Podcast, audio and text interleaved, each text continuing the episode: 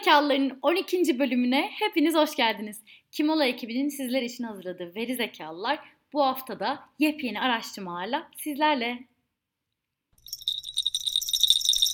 Salesforce'un dünya çapında yaklaşık 7000 pazarlama lideriyle gerçekleştirdiği araştırma, şirketlerin yapay zekaya olan yöneliminin çok hızlı bir biçimde arttığını gözler önüne seriyormuş. 2018 yılında pazarlamacıların %29'u yapay zekayı kullanırken sadece 2 yıl içerisinde bu oran %84'e çıkmış. Tabii ki yapay zekanın da bacak kadar boyu, türlü türlü huyu var.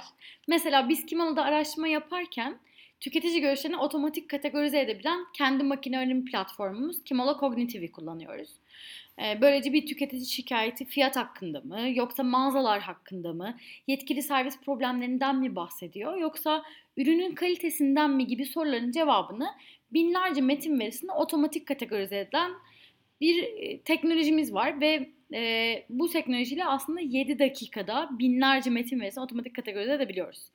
Hatta sanırım Kimala Cognitive kodlama bilmeden makine öğrenimi yapılmasını sağlayan ve iletişimcilerle araştırmacılara özel kurulmuş ilk makine öğrenimi platformu. Geldik haftanın ikinci araştırmasına. EMEA ülkelerindeki Google yöneticilerinin gelecek yıllara dair trend ve tahminleri online videoların internet trafiğindeki yerinin artacağı, dijital içeriklerin büyük ekranlara taşınacağı ve tüketicilerin sürdürülebilirlik, geri dönüşüm gibi kavramlara daha fazla ilgi göstereceği yönündeymiş.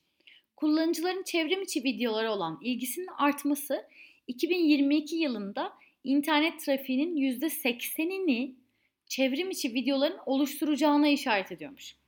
Tabi videolar hepimizi esiri altına almış olsa da özellikle genç kuşağı evde paralize etmiş durumda.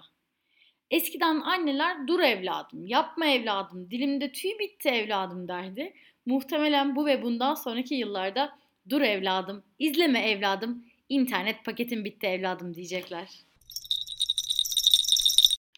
Şimdi Türkiye'den bir veri ile sizlerleyiz. Mastercard Türkiye'nin gerçekleştirdiği araştırmaya göre 2020 yılının ilk yarısında e-ticarete yönelen şirketlerin sayısı Türkiye'de 4000 imiş. 2019 yılının ilk yarısına kıyasla 2020 yılında bu sayıda %50 artış görülmekteymiş.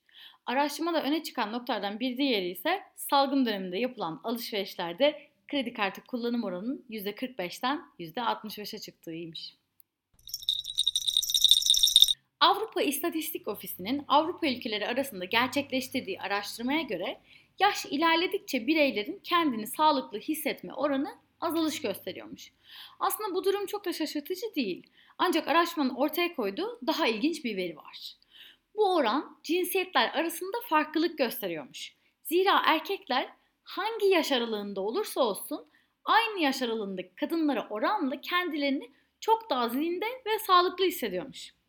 Yalnız işin daha da ilginç yanı küçük bir araştırma yaptım ve kadınların erkeklerden ortalama 7 yıl daha uzun yaşadığını öğrendim.